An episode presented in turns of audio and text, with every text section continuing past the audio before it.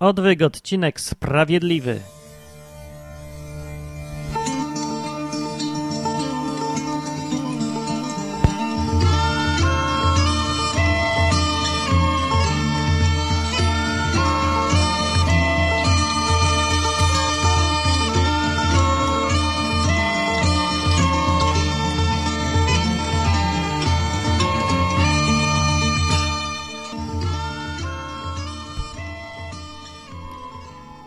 Poranek, poranek, który dziś jest? Nie wiem, 18 marca, o, 2009 rok. Uuu, to już daleko doszliśmy na, no, w historii. To już 2009 jest. Uuu. No, jak pamiętam, właśnie sobie przypomniałem, że jak byłem mały, to ja byłem pewny, że absolutnie nie dożyję. Nie dożyję, nie. Ja już myślałem, 25 lat to jest starość straszna. To jest wiek starczy, zwiędły.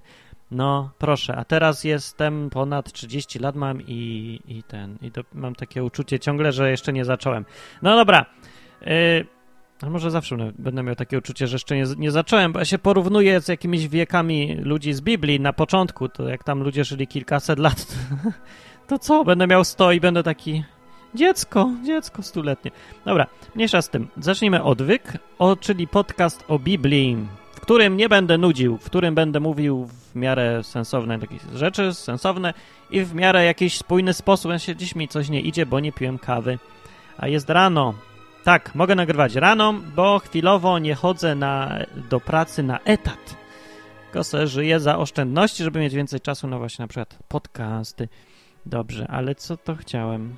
Aha, chciałem wyłączyć tą muzyczkę i puścić nową, ale zanim to zrobię, to odpowiedzi na pytania które ludzie czasem w komentarzach zadają do ostatniego odcinka, ale dzisiaj będzie jeden.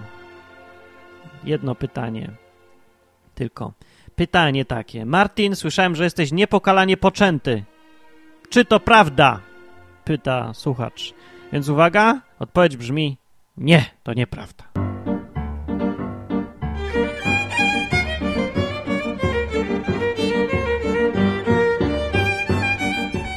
Dzisiaj będzie temat, który jest tak ważny, tak ważny i tak istotny, że zupełnie go nie zauważyłem, bo był tak oczywisty dla mnie, a się okazuje, czy za głośno to idzie, bo się okazuje, że jest to zupełnie nieoczywista rzecz.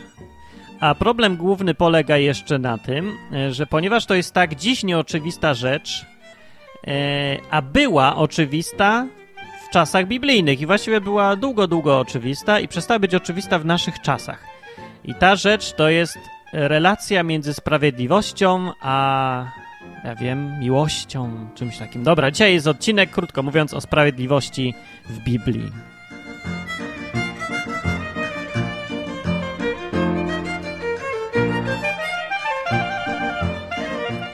E, jak sobie tak będziesz czytać Biblię, a może już przeczytałeś, to z pewnością zauważyłeś, że słowo sprawiedliwość pojawia się tam zadziwiająco często. Nawet by można powiedzieć, że Bóg ma obsesję na punkcie sprawiedliwości i to chyba jest nawet zupełnie prawdziwe określenie, a nie tylko takie ten eufemizm, nie eufemizm, tylko przerysowanie, przerysowanie, nie przerysowanie. Naprawdę ma obsesję na punkcie sprawiedliwości.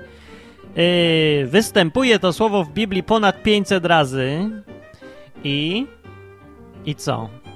No nie wiem, nieważne jak tam po hebrajsku jest, bo co to kogo obchodzi. Ważne co to znaczy, a nie jak tam brzmi sobie po hebrajsku. Ludzie mają zawsze taką tendencję, ci różni kaznodzieje, księża, pastorzy, zwłaszcza jacyś protestanccy, mają taką manię, żeby zawsze mówić jak coś brzmi po hebrajsku i po grecku, czyli w oryginale.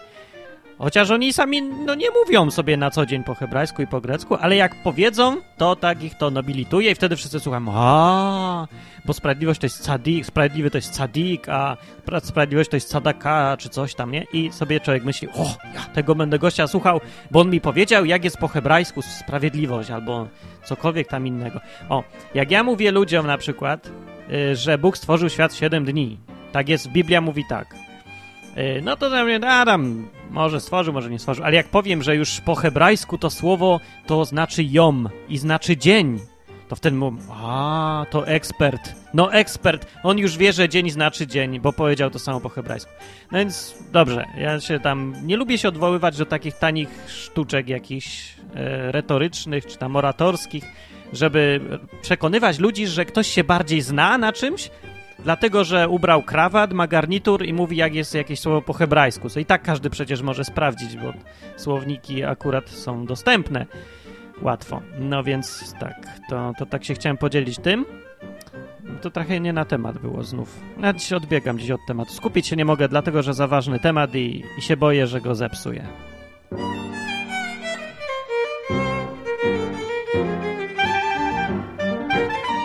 Dobrze, to odnośnie sprawiedliwości, to co ja mam do powiedzenia, to powiem bez wstępów. Spróbuję. Sprawiedliwość, sprawiedliwym bycie, według Biblii, to nie jest to samo, co bycie dobrym. No i źle zacząłem. Inaczej zacznę jeszcze raz. Okej. Okay. Ludzie najczęściej widzą, e, dzielą ludzi na dobrych i złych. Tak sobie w głowie dzielą. Niekoniecznie chodzą po ulicy, mówią ty dobry, ty zły. Ale myślą tak, dobrzy ludzie idą do nieba, źli ludzie idą do piekła. E, pytanie jest, czy to ten obraz, ogólna koncepcja się zgadza z koncepcją prezentowaną w Biblii. I tutaj ma, przeżyjecie szok, jak wam powiem, że absolutnie nie. Nie zgadza się. Nie tak jest. A jak jest? Otóż jest ciut inaczej. Albowiem, według Biblii, ogólny pogląd biblijny jest taki, że sprawiedliwi idą do nieba, a niesprawiedliwi idą no, w zgoła inne miejsce, o którym mówiłem kiedy indziej. Nie dobrzy i źli, tylko sprawiedliwi i niesprawiedliwi. E, przeciwieństwem bezbożnego jest co? Normalny człowiek powie, że to jest człowiek dobry. Bezbożnik z jednej strony, przeciwieństwo jego to jest człowiek dobry, miłosierny, taki jakiś. Otóż nie, nieprawda, nie według Biblii. Według Biblii przeciwieństwem bezbożnego jest sprawiedliwy. Sprawiedliwy. To jest bardzo ważne słowo, bardzo istotne. I powiem jeszcze, żeby was zachęcić do słuchania dalszej części tego odcinka, bo może być trochę chaotycznie, więc trzeba jakoś zachęcać do, dodatkowo. Yy, powiem wam, że... Zapomniałem, co chciałem powiedzieć.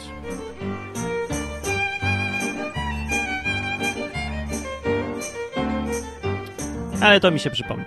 E, więc wielu tych ludzi, których dziś byśmy określili jako dobrych, którzy byli w Biblii, e, na przykład, nie wiem, Noe, nie, że dobry był, to był dobry człowiek, bo Bóg go jednego, jednego na całej ziemi uratował z potopu, to był dobry. Tak myślimy intuicyjnie, ale Biblia nie nazywa go nigdzie dobrym. Biblia mówi tak, to samo Job a propos. E, mówi tak, oto dzieje rodu Noego pierwszej księdze Mojżeszowej, szósty rozdział od początku Biblii jest tak, że to są dzieje rodu Noego. Noe był mężem sprawiedliwym, nieskazitelnym wśród swojego pokolenia. Noe chodził z Bogiem. Dalej jest napisane kawałek w następnym rozdziale. Rzekł Pan do Noego, wejdź do arki ty i cały dom twój, bo widziałem, że jesteś sprawiedliwy przede mną w tym pokoleniu. I nie mówi Bóg, bo byłeś dobry. Nie. Mówisz, że byłeś sprawiedliwy. To jest istotne, ja się tego będę czepiał tutaj, bo pokażę, pokazać wam chcę coś, co nam umyka, a co jest absolutnie fundamentalne i bez czego nie da się w ogóle zrozumieć całego Nowego Testamentu, całej tej koncepcji e, tego przyjścia Jezusa i tego w ogóle wszystkiego, co tam jest napisane. E, no, tak. I przeczytamy następne kawałki jeszcze, żeby było widać, że przeciwieństwem bezbożnego jest nie dobry, tylko sprawiedliwy. O, dalej jest 18 rozdział, na początku, od początku Biblii patrząc, jest tak. Zbliżywszy się, Abraham rzekł: Czy rzeczywiście zgładzisz sprawiedliwego wespół z bezbożnym? Zapytał tak Abraham Boga i kawałek dalej było tak, nie dopuść, jak mówi Abraham dalej do Boga, mówi, nie dopuść, byś miał uczynić coś podobnego, by uśmiercić sprawiedliwego wespół z bezbożnym, by sprawiedliwego spotkało to samo, co bezbożnego. Nie dopuść do tego, czyż ten, który jest sędzią całej ziemi, nie ma stosować prawa? Zapytuje retorycznie Abraham, gadając tam z aniołem czy z kimś. Yy, no i tutaj z tego zdania widać, że wszędzie jak jest bezbożny, to przeciwieństwem jest sprawiedliwy. Nie ma określenia, że dobrego ze złym jest sprawiedliwego z bezbożnym. Yy, dalej jest fragment jeszcze na przykład jak Faraon był i Mojżesz i oni tam ten polemizowali ze sobą. To była taka scena. Faraon kazał wezwać Mojżesza i Arona i rzekł do nich Tym razem zgrzeszyłem, Faraon mówi. Pan jest sprawiedliwy, a ja i lud mój jesteśmy grzeszni. Znów, sprawiedliwy. Ciągle tego słowa używa i to nawet faraon. Sprawiedliwy. Dlatego mówię, w tamtych czasach to było zupełnie oczywiste, że podział na ludzi jest według sprawiedliwy, niesprawiedliwy, a nie według dobry i zły. Dalej jest jeszcze E, w Nowym Testamencie jest to samo. To nie jest tylko, że Stary Testament. Jezus, jak mówił, w Ewangelii Mateusza mówił tak. Idźcie i nauczcie się, co to znaczy. Miłosierdzia chcę, a nie ofiary. Nie przyszedłem bowiem wzywać sprawiedliwych, lecz grzeszników. Tak mówi Jezus. Nie sprawiedliwych przyszedłem wzywać, tylko grzeszników. Znów podział. Przeciwieństwem grzeszników nie są dobrzy, tylko sprawiedliwi. Dalej. Mateusza też w Ewangelii jest, że powiedział Jezus tak. Tak będzie przy końcu świata. Wyjdą aniołowie i wyłączą złych spośród sprawiedliwych. Złych spośród sprawiedliwych. Znów niedobrych. I jeszcze na koniec już, żeby było wszystko jasne, albo nie. To już jest wszystko jasne. Nie będziemy w nieskończoność tych fragmentów tu czytać.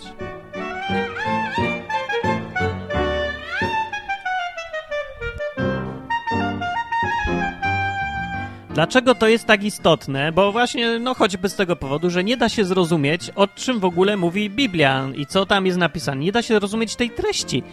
Bo jeżeli człowiek ma błędne w głowie założenie, że sprawiedliwość jest czymś złym, to w ogóle się nie da już niczego zrozumieć, bo Bóg wtedy by na przykład by, o ten fragment brzmiał wow, wow, wow, wow, wow bla, bla, bla, gdzie to jest napisane. No to, co Jezus mówił na przykład na końcu, że nie przyszedłem wzywać sprawiedliwych, lecz grzeszników. Jeżeli zakładamy, że sprawiedliwość to jest coś wcale niedobrego, to by Jezus powiedział, że nie przyszedłem wzywać złych, tylko złych? Bez sensu. Nie przyszedłem bowiem wzywać sprawiedliwych, lecz grzeszników, mówi Jezus. I sprawiedliwy to jest ktoś, kto jest w oczach Boga właśnie tym, kim człowiek powinien być. To są ludzie, których się nagradza. Bóg oczekuje sprawiedliwości przede wszystkim. To jest kluczowe pojęcie w całej Biblii i Bóg taki jest. To jest jego główna cecha, że Bóg jest sędzią i Bóg jest sprawiedliwy i oczekuje sprawiedliwości. No więc może by tak spróbować zdefiniować, co to jest sprawiedliwość, bo może już zapomnieliśmy po drodze.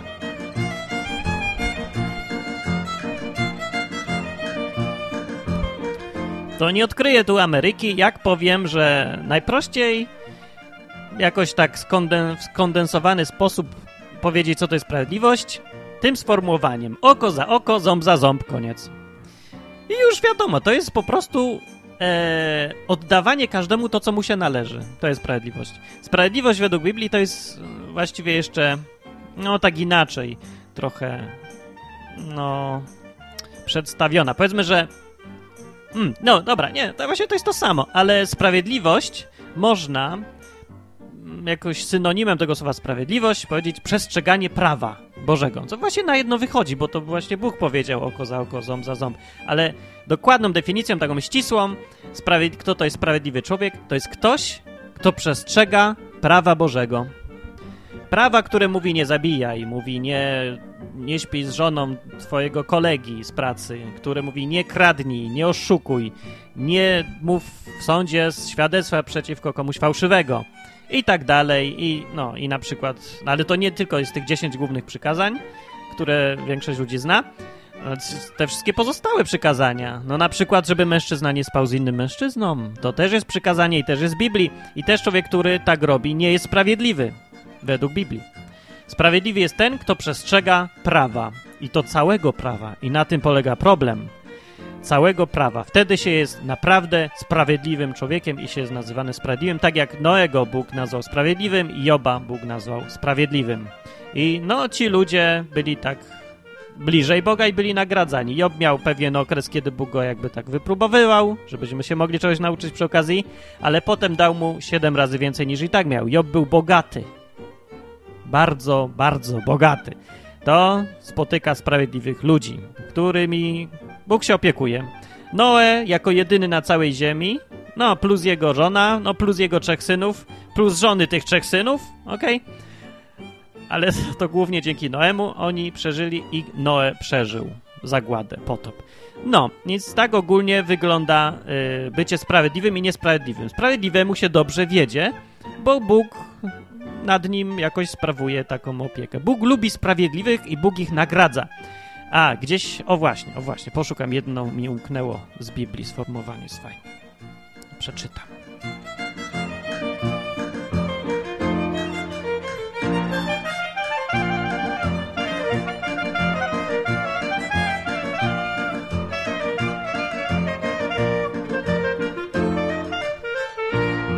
A dobra, nie mogę znaleźć. No czasem mi się nie uda. E, w Tak, no w każdym razie. Co ja to chciałem powiedzieć? Dalej o sprawiedliwości. Dobrze, mówię o sprawiedliwości. No i, i jeszcze na czym polega ten problem właściwie? Co za różnica, czy się kogoś nazwie dobrym, czy sprawiedliwym? Otóż olbrzymia, proszę pana. Ogromna. Bo sprawiedliwy to nie jest ktoś, kto robi jakieś tak, e, takie nadmiarowe rzeczy. Sprawiedliwy to jest ktoś, kto daje każdemu, co mu się należy. Jeżeli, okej, okay, przykłady, przykłady, najlepiej widać. Y, jeżeli, no nie wiem, jesteś, o, w pracy, jesteś pracownikiem w jakiejś firmie, dobrze. I teraz, jeżeli mm, umówiłeś się z gościem na 2000 zł co miesiąc i właśnie jest dzień wypłaty i teraz gość ci dał 2500. A ty bierzesz, idziesz do domu i się cieszysz, że się pomylili. Nikomu nic nie mówisz, ich problem. Pytanie, czy to jest sprawiedliwe, czy nie? To jest niesprawiedliwe. Czy to jest dobre, czy nie? No dobre to też nie jest, no bo nie tak się umawiałeś, no i komuś zabrałeś pieniądze, które ci się nie należą. To nie jest dobre. E, no czy on straci, więc no, będzie poszkodowany przez ciebie właściwie, no przez swoją pomyłkę też, ale no ty zyskasz na tym, że ktoś stracił. To nie jest dobre. I nie jest sprawiedliwe, bo nie umawiałeś się na 2500, tylko na 2000. Okej, okay. drugi przykład. Ta sama sytuacja, ale przy, w dniu wypłaty wypłacałem ci 1500. O 500 za mało. Umowa była na 2000. I teraz pytanie, ty mówisz, idziesz do domu i akceptujesz sprawę. Okej, okay, 1500. Czy postąpiłeś dobrze? No tak. No bo poświęciłeś 500 zł, które ci się należały, ale z nich zrezygnowałeś. Żeby ktoś miał, nie wiem, pracodawca czy kto tam. Z jakiego tam, nieważne z jakiego powodu, zrezygnowałeś. Postąpiłeś jako dobrze, bo nie zależy ci na pieniądzach, poświęciłeś coś swojego, tak? I ktoś ma dzięki tobie więcej pieniędzy. To jest dobre. Ale czy to jest sprawiedliwe? Nie! To jest niesprawiedliwe, bo umawialiście się na 2000 zł, koniec. I nieważne, w którą stronę będzie, czy na twoją korzyść, czy na twoją niekorzyść, yy, pomyłka. Zawsze będzie niesprawiedliwie, kiedy będzie niezgodnie z ustaleniami, jeżeli ktoś dostanie coś, co mu się nie należy. Więc są takie przypadki, to jest właśnie przykład, kiedy możesz być dobry, ale niesprawiedliwy. Może być tak, że jesteś i dobry, i sprawiedliwy. Może. Ale bywają wypadki, kiedy jesteś dobry, a niesprawiedliwy. I czy to jest ok w oczach Boga na przykład? Czy tak powinniśmy do tego dążyć i tak postępować? Nie, absolutnie nie. Jak mówiłem na początku, Bóg ma obsesję na punkcie sprawiedliwości i to, czego w pierwszej kolejności szuka, to to, żebyśmy byli sprawiedliwi. I ci wszyscy ludzie, których właśnie intuicyjnie określamy jako dobrych, są nazywani w Biblii tak naprawdę sprawiedliwymi i mamy być sprawiedliwi. Mamy być tak, jak Jezus powiedział, bądźcie święty, bo e, bądźcie święci, bo ja jestem święty, tak mówi Bóg. No, świętość i sprawiedliwość, a mniej więcej plus minus to samo.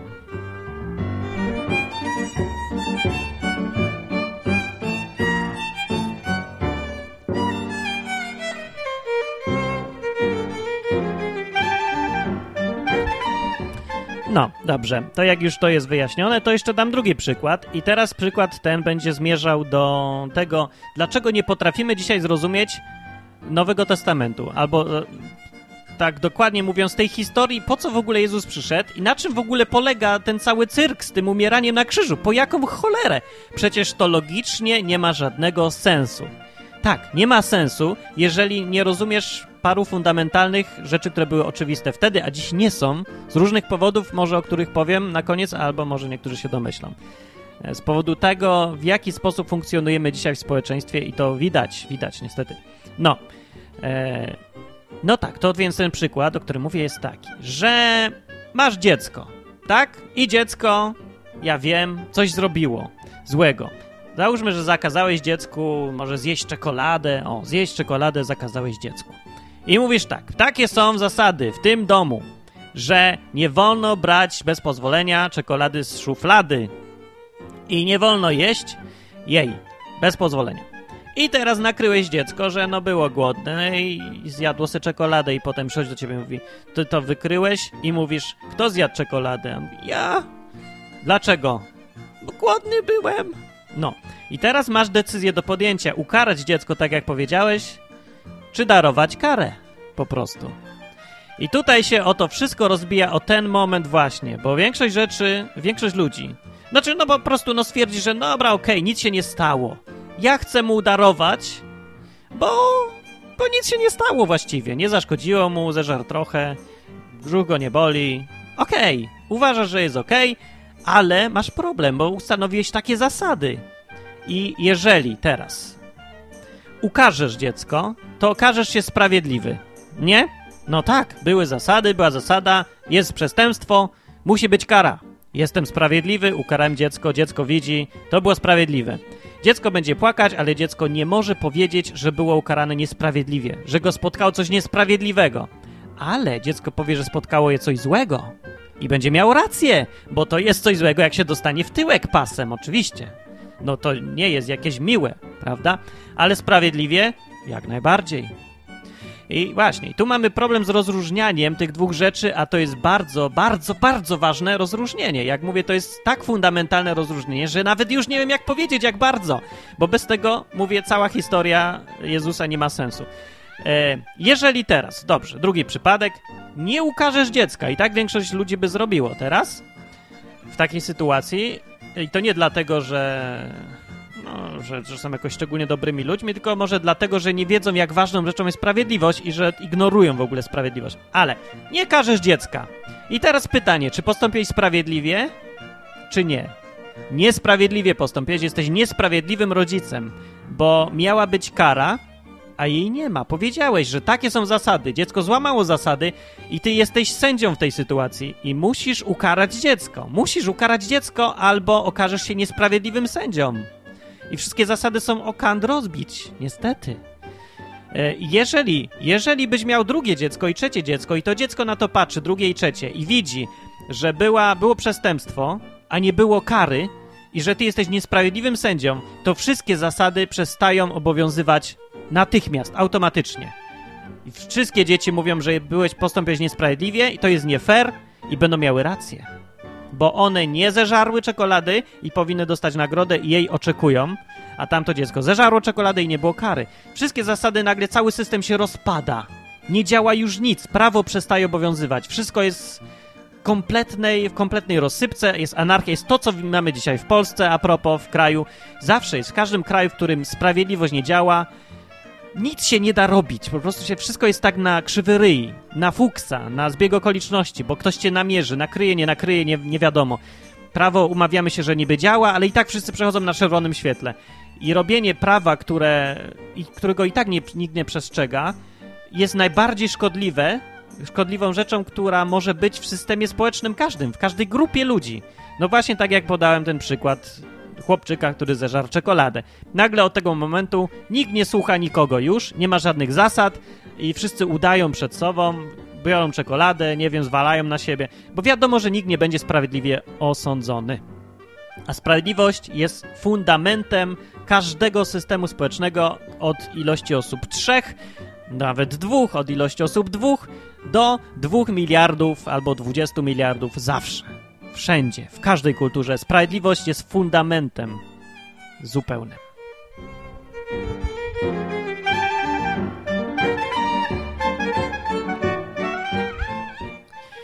No tak, więc jak mówiłem, większość ludzi prawdopodobnie by darowała temu dziecku yy, i dziecko by powiedziało, że tatuś jest dobry, dobry jest, darował mi, jest dobry. Tak, i miałoby rację, dobry jest, ale jest niesprawiedliwy i to jest dużo gorsze. A jak mówiłem, Bóg szuka sprawiedliwości przede wszystkim i to jest coś, z czego nie można zrezygnować. Ludzie uważają, że teraz przenieśmy tą sytuację na Boga. Okej. Okay. Ludzie mają taki pogląd na Boga, że Bóg jest jak taki rodzic, nie? Myśmy zeżarli czekoladę i wiedzą ludzie, i słusznie, że Bóg nas kocha jest dobry. Bóg jest bardzo dobry, to jest jego główna cecha, tak w ogóle uważam, taka najbardziej, najsilniejsza. Tym się głównie Bóg kieruje. E, I wiedząc to i tylko to, że Bóg jest miłością sprawiedliwy, uważa, że Bóg może tak po prostu powiedzieć: daruję ci karę, jedz tą czekoladę, trudno. Zjadłeś, no trudno, daruję. Nie może. Ale nie dlatego, że nie jest, nie kocha, nie lubi, jest sadystą czy coś. Nie, dlatego, że jest sprawiedliwy. I to jest ta rzecz, która była oczywista zawsze. Wszędzie. Dawniej. A teraz nie jest. Teraz jakoś ludzie zatracili. E, to, co jest najbardziej fundamentalną rzeczą, tak fundamentalną, że była zawsze oczywista, sprawiedliwość jest czymś bardzo ważnym. E, I Bóg nie może tak po prostu darować. Tak jak ojciec nie powinien darować kary w takiej sytuacji, bo będzie niesprawiedliwy, jak mówię, wszystkie zasady się rozsypią i prawo przestanie obowiązywać nagle. Tak jak tutaj jest, e, powiedział Abraham, kiedy tam się wstawiał za ludźmi, z mieszkańcami Sodomy, było takie miasto, a Bóg zapowiedział, że je zniszczy, bo ma dość już patrzenia na niesprawiedliwość właśnie tych ludzi. To mówi tak, że nie dopuść, byś miał czynić coś podobnego, mówi do Boga, by uśmiercić sprawiedliwego wespół z bezbożnym by sprawiedliwego spotkało to samo, co bezbożnego. I tak właśnie Abraham do tego wzywał. Do tego, żeby była różnica między sprawiedliwym i niesprawiedliwym. Bardzo dobrze mówi. Mówi, nie dopuść do tego, mówi do Boga. E, czyż ten, który jest sędzią całej ziemi, nie ma stosować prawa? Mówi Abraham retorycznie. Ale to, co było retoryczne dawniej, przestało być retoryczne dzisiaj, bo straciliśmy poczucie tych rzeczy fundamentalnych, oczywistych e, sędzia całej ziemi, Bóg, nie może ignorować swojego własnego prawa, a darując karę komuś, kto coś źle zrobił, no nam wszystkim, bo wszyscy mamy coś na sumieniu. Chyba, że ktoś jest małym, bardzo małym dzieckiem, no to nie ma. Ale zakładam, że tacy ludzie mnie nie słuchają, więc masz coś na sumieniu. I pytanie jest tak, jak możesz oczekiwać, że sędzia całej ziemi, który sam dał prawo, którego mamy przestrzegać, może je po prostu zignorować, nie stosować prawa. Po prostu ci powie, daruję ci, chodźcie wszyscy do nieba, kupę miejsca tu jest i dobra zabawa. Wino, śpiew i panienki, tak jak ta muzyczka tu właśnie w tle mówi. O. I tak właśnie się bawią w niebie. Tak się bawi, tak się bawi, niebo! No. I jak możesz tego oczekiwać, że Bóg po prostu zignoruje swoje własne prawo i daruje wszystkim, tak? O tak, pyk. Nie może. Bóg nie może być niesprawiedliwy. I ludzie wiedzą, że Bóg jest miłością, tak, jest, ale zapominamy, że Bóg jest oprócz tego, albo nawet w ogóle przede wszystkim, jest sprawiedliwy i musi być sprawiedliwy zawsze i nie może zrezygnować ze sprawiedliwości nigdy.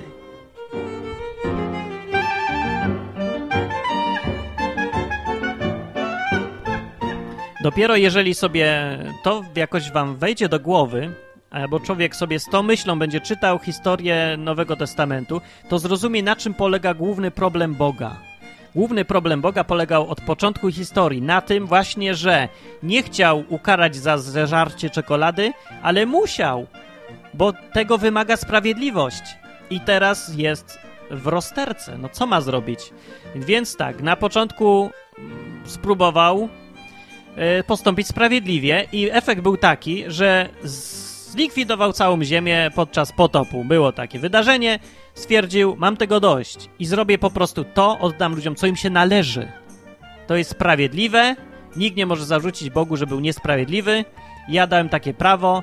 Wy robicie dokładnie odwrotnie, krzywdzicie się nawzajem, a ja kazałem wam się nie krzywdzić. Jesteście niesprawiedliwi, spotka was to, sprawie, co sprawiedliwie was powinno spotkać. Czyli śmierć.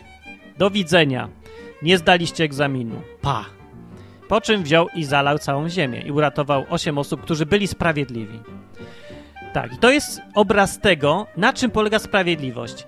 Teraz ludzie tutaj zawsze mówią w takich sytuacjach: Bóg jest okrutny, Bóg jest sadystą, Bóg jest zły, bo doprowadza do wojen, do potopów i takich różnych rzeczy.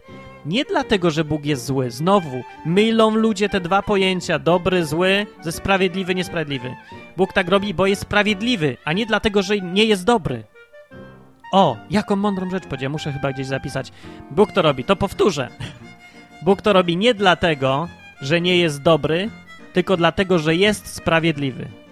O, a ponieważ to była tak niezwykle mądra myśl, że nie wiem skąd mi się nawet wzięła, y, w skondensowanej postaci wszystko przedstawiłem, to puszczę kawałek muzyczki, żeby lepiej się przetrawiło.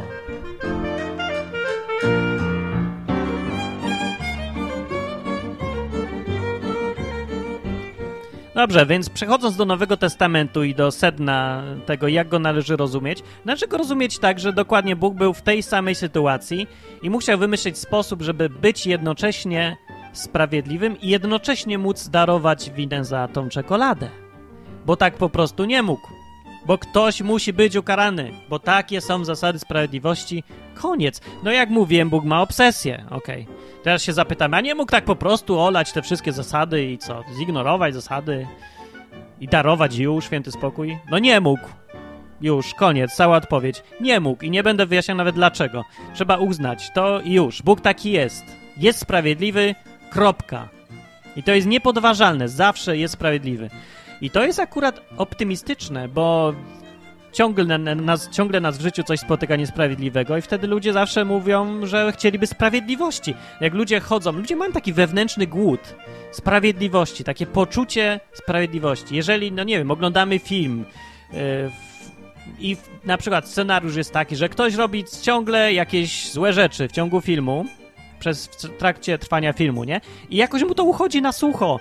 I na końcu filmu nagle dostaje w tyłek i się znajduje w jakiejś bardzo złej sytuacji, to wtedy nie mówimy jakoś, że o, jak to źle mu się stało. Mówimy, że dobrze się stało, bo się stało tak naprawdę sprawiedliwie i wszyscy czują satysfakcję. To jest właśnie ten, to nasz, ta nasza wrodzona chęć sprawiedliwości. Wiemy wszyscy naturalnie, na całej ziemi, ludzie, w każdej kulturze, że sprawiedliwość jest czymś takim coś satysfakcjonujące, co daje spokój. Nikt nie chce żyć w kraju, gdzie jest niesprawiedliwość. Ludzie chcą żyć. W... O, uczciwi ludzie, uczciwi ludzie, pracujący ludzie, e, nieleniwi, naprawdę uczciwi, sprawiedliwi bym, bym powiedział. Nie chcą, żeby im dać coś za darmo, żeby żyć w kraju, w którym się im rozdaje. Oni chcą tylko sprawiedliwości. Czyli ja pracowałem, zarobiłem i chcę mieć to, co mi się należy. O, i nawet widać, nawet ci strajkujący ludzie, powiedzmy tam pielęgniarki czy coś, oni nie mówią w hasłach żądamy jałmużny, żądamy, żeby nam dać e, coś, na co nie zasługujemy, bo jesteśmy biedni, jesteśmy biedni, żądamy wsparcia. Nie, oni mówią, żądamy tego, co nam się należy. To oczywiście im się nie należy, według zasad sprawiedliwości, ale oni nie mogliby psychicznie znieść myśli, że idą żebrać Chociaż idą żebrać, ale to tak de facto żebrają, bo strajk to nic innego jak żebranie. Ale, no, no powiedzmy, różne są sytuacje. Dobra, może za daleko poszedłem w tym, ale okej, okay, są takie sytuacje, że to jest zwykłe żebranie. E, ale tak czy inaczej, psychicznie ludzie e, chcą czuć, że robią coś sprawiedliwego zawsze, więc w tym celu się mogą na przykład okłamać, oszukać, nie? I sobie wymówią, że tak naprawdę to mi się należy, żeby, nie wiem, dotować mi stocznie, nie? Na przykład interes mi nie poszedł, bo jestem głupi i źle zarządzam i potem sobie muszę coś wymyśleć, no wmawiam sobie, że nie, mi się należy, żeby mi dobrze poszedł. Chociaż nie zasługuje. No tak czy inaczej, żyjemy w czasach kryzysu sprawiedliwości. Sprawiedliwość przeszła jakoś do historii i mało kto w ogóle używa już tych słów, że ja jestem sprawiedliwy. Się mówi dobry, niedobry, zły, dobry, nie? A nie niesprawiedliwy, sprawiedliwy. Jest to smutne i jest to bardzo złe z tego powodu, że właśnie choćby dlatego, że nie potrafimy zrozumieć Boga w ogóle i tego, jak On postępuje i dlaczego tak postępuje, bo ciągle myślimy w kategoriach miłość, niemiłość, dobry, niedobry. Nie, trzeba zacząć od sprawiedliwości. Tak, ja zresztą popadam w dygresję. To może przejdę już na koniec do tego Nowego Testamentu w końcu.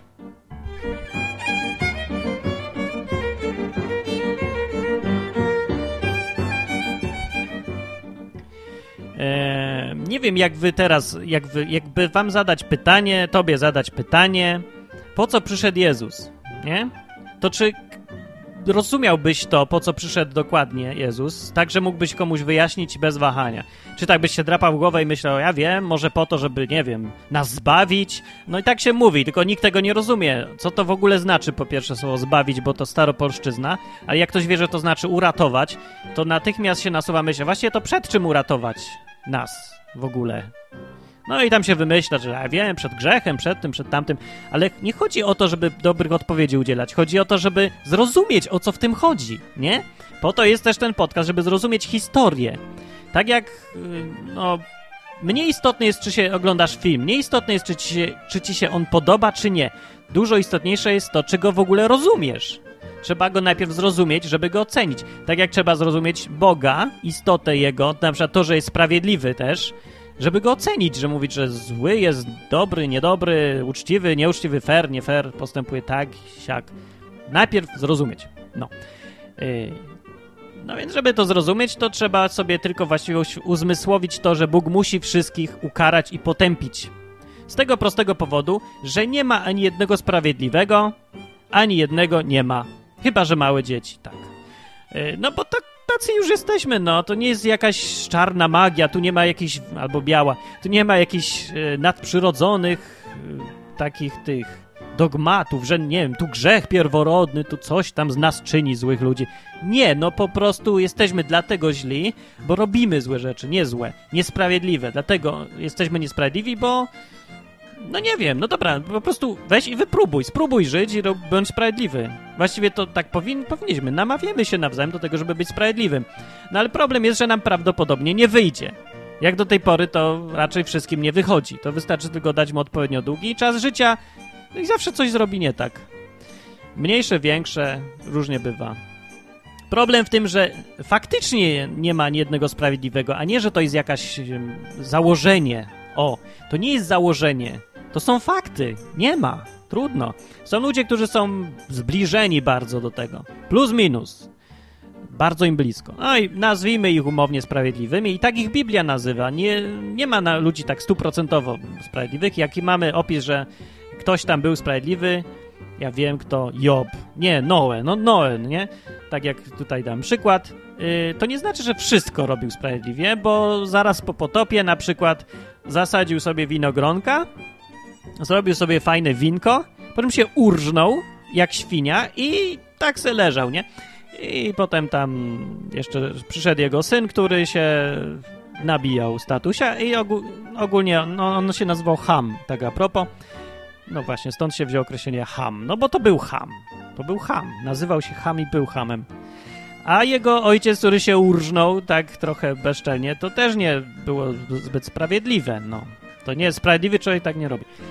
Taki prawy też. No, więc tak czy inaczej, nie ma ani jednego i tu jest dylemat Boga. Trzeba wszystkich potępić tak, jak w czasie potopu i wymyślał sposób, i wymyślał, i wymyślić nie mógł, a w końcu wymyślił jeden sposób, bo w tej sytuacji istnieje tylko jedno rozwiązanie, jeżeli... E, Okej, okay, mamy, wróćmy do tej sytuacji, żeby to zrozumieć całą tą historię w końcu raz na zawsze i wtedy dopiero mówi, czy nam się podoba, czy nie. Mamy sytuację, jesteś ojcem, masz syna, zeżar czekoladę, chociaż mu zabroniłeś, masz go ukarać. No i ma on tam jeszcze ma braci, załóżmy, no. I ci bracia patrzą, co ty zrobisz. Znaczy, twoi też synowie, a propos, też patrzą, patrzą. Myślę, tatuś ukara, nie ukara. Tatuś ma problem nie do rozwiązania, się wydaje. Jak mogę darować karę temu człowiekowi, temu chłopcu, mojemu synkowi, będąc dalej sprawiedliwym? No, ja wszyscy na mnie patrzą. Nie mogę się okazać niesprawiedliwym, bo wszystkie zasady szlak trafi nagle. I ja przestanę mieć jakikolwiek już autorytet. No, a poza tym w ogóle nie mogę, bo mam obsesję na punkcie sprawiedliwości, chociażby dlatego. No. I taki jest problem do rozwiązania. Jakie jest rozwiązanie? No nie ma! Niby. Ale jest jedno rozwiązanie i rozwiązanie polega na tym, że ojciec może zostać sprawiedliwym i może darować jemu karę pod jednym warunkiem. Jeżeli ktoś się zgłosi sam na ochotnika i będzie chciał zostać ukarany zamiast tamtego, wtedy tamtemu można darować, ale ukaże się kogoś innego. No, niby właściwie wszystkie zasady będą, będą spełnione, nie? Bo zasady sprawiedliwości są takie. Ktoś zrobił coś, spotyka go za to kara, ale ten ukarany może się umówić z kimś innym, kto sam przyjdzie i zaoferuje, że ja chcę być ukarany na twoje miejsce. A do ciebie należy teraz mm, odpowiedzieć na pytanie, zgadzasz się czy nie, jeżeli jesteś tym synkiem, którego kara ma spotkać. Załóżmy twój brat, przychodzi brat, no więc mamy taką sytuację, ty masz go już ukarać i już masz, odwijasz, już ściągasz ten pasek i już bierzesz zamach i nagle jego brat, któremu na imię Wojtek, mówi stop! Mówi, i ty tak wisisz tym paskiem i ten synek, którego nazwijmy go, który miał, ukradł czekoladkę i zeżar, jak byśmy go nazwali? Tamten był Wojtek, to ten będzie Łukasz! No to Łukasz! Łukaszek płacze i już czuje ten ból na dupie, ale nagle Wojtek mówi stop! Takim głosikiem. mówi nie, nie bij go! A, mówi, a ty mówisz, że jesteś ojcem. Muszę! Złamał zasady. Sprawiedliwość musi być. Mówi, no to rozumiem to, ale, mówi Wojtek. mówi, to ja chcę dostać za niego w dubsko. Wow. I teraz masz sytuację i myślisz sobie, można tak w ogóle zrobić? Że ten paskiem przyleje temu zamiast tamtemu? I myślisz sobie tak, no też mi się to nie podoba, bo w ogóle nie chcę nikomu przywalić paskiem, ale komuś muszę. No bo takie były zasady, sprawiedliwość, pasek wyciągnięty, już czeka. No wszyscy patrzą, co zrobię? Jak komuś nie przywalę, nie przyleję, to wszystkie zasady szlak trafi. Muszę, muszę, sprawiedliwość. A z drugiej strony ja go mu nie chcę, ja chcę mu darować, a ten się zaoferował. No. No i w tej sytuacji przylejesz Wojtkowi, zgodzisz się. Jeżeli e, zgodzi się ten Łukasz, mówi, tak, tak, zgadzam się, przylej Łuk- temu Wojtkowi, bo ja nie wytrzymam tego bicia, a on ma grubszy tyłek.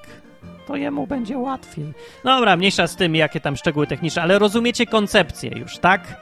Więc teraz przyszedł Jezus, Syn Boży przyszedł.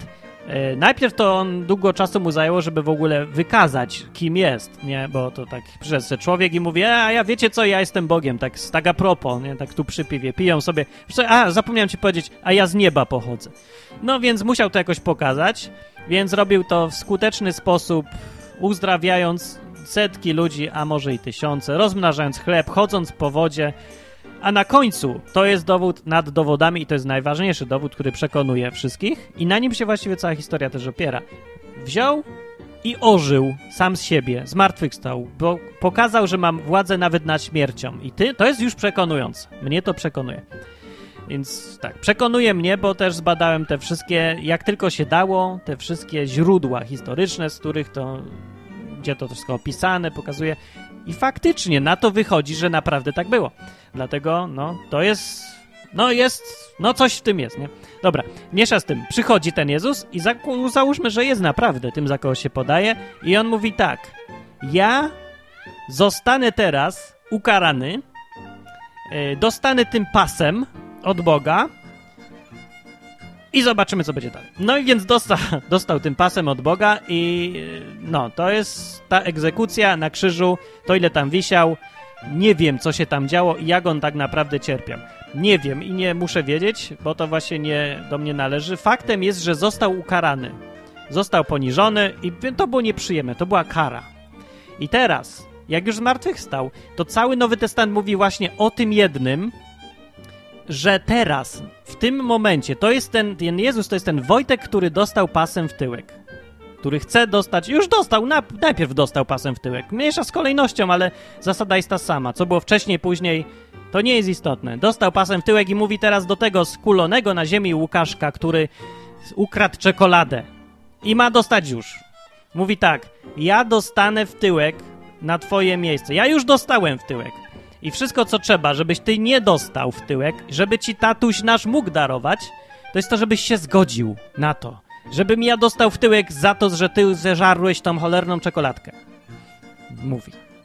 I to jest cały Nowy Testament. I tylko wtedy da się go zrozumieć, kiedy się założy, że Bóg nie może tak po prostu darować. Wtedy to przyjście tego Wojtka, czego tamtego Jezusa, żeby i jakby, jak się to mówi, a, to samobójstwo, nie samobójstwo, tylko zgodzenie się z własnej woli na to, żeby zostać ukaranym przez Boga, no bo to, to tak dokładnie wyglądało, że to nie tylko było, że umarł na krzyżu, on umarł na krzyżu, chociaż nie zasłużył na to. Został ukarany za coś, czego nie zrobił. No bo nikt mu nigdy nie wykazał żadnego grzechu. On był sprawiedliwy. E, jak umierał na krzyżu, to krzyknął, Boże, dlaczego mnie opuściłeś? Bóg go opuścił. Za co? No za co? Bóg musi być sprawiedliwy, pamiętajmy o tym. Musi być. Nie opuszcza sprawiedliwych. Dlaczego go opuścił własnego syna? No dlatego. Teraz już jest jasne, teraz już jest logiczne, teraz już się da zrozumieć. Cała historia nagle ma sens. Po to przyszedł Jezus, bo Bóg nie może przestać być sprawiedliwym. No. I kogoś musiał ukarać, no bo musiał. I już. I więc dlatego ten odcinek o sprawiedliwości mówię, żeby pamiętać o tym, że tak naprawdę Bóg nie wpuszcza do nieba dobrych ludzi. Bóg wpuszcza sprawiedliwych. I tylko sprawiedliwych. I to, co Jezus miał zrobić, to miał zrobić z nas wszystkich sprawiedliwych ludzi.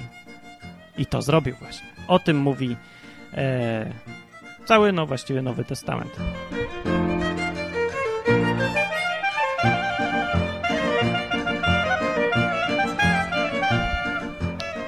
Jak będziecie czytać sobie Nowy Testament, y, to pamiętajcie, że ten proces uczynienia z kogoś sprawiedliwego nazywa się usprawiedliwieniem. Dlatego gdzieś tam jest w Nowym Testamencie ciągle napisane, że jesteśmy usprawiedliwieni, y, na przykład jesteśmy usprawiedliwieni z wiary przez Jezusa. Jak będziecie już to czytać, to już będzie jasne o co chodzi dokładnie. Nie?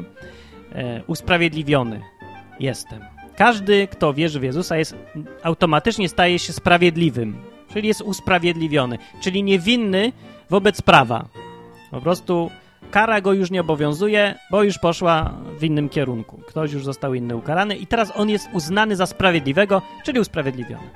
No, to jak się czyta teraz Nowy Testament, zwłaszcza gdzieś tam tak wyrywkowo, to już będzie jasne, o co chodzi. No, o to chodzi. No. To właściwie powiedziałem już o sprawiedliwości wszystko. To chyba tyle. Będziemy kończyć odcinek, nie?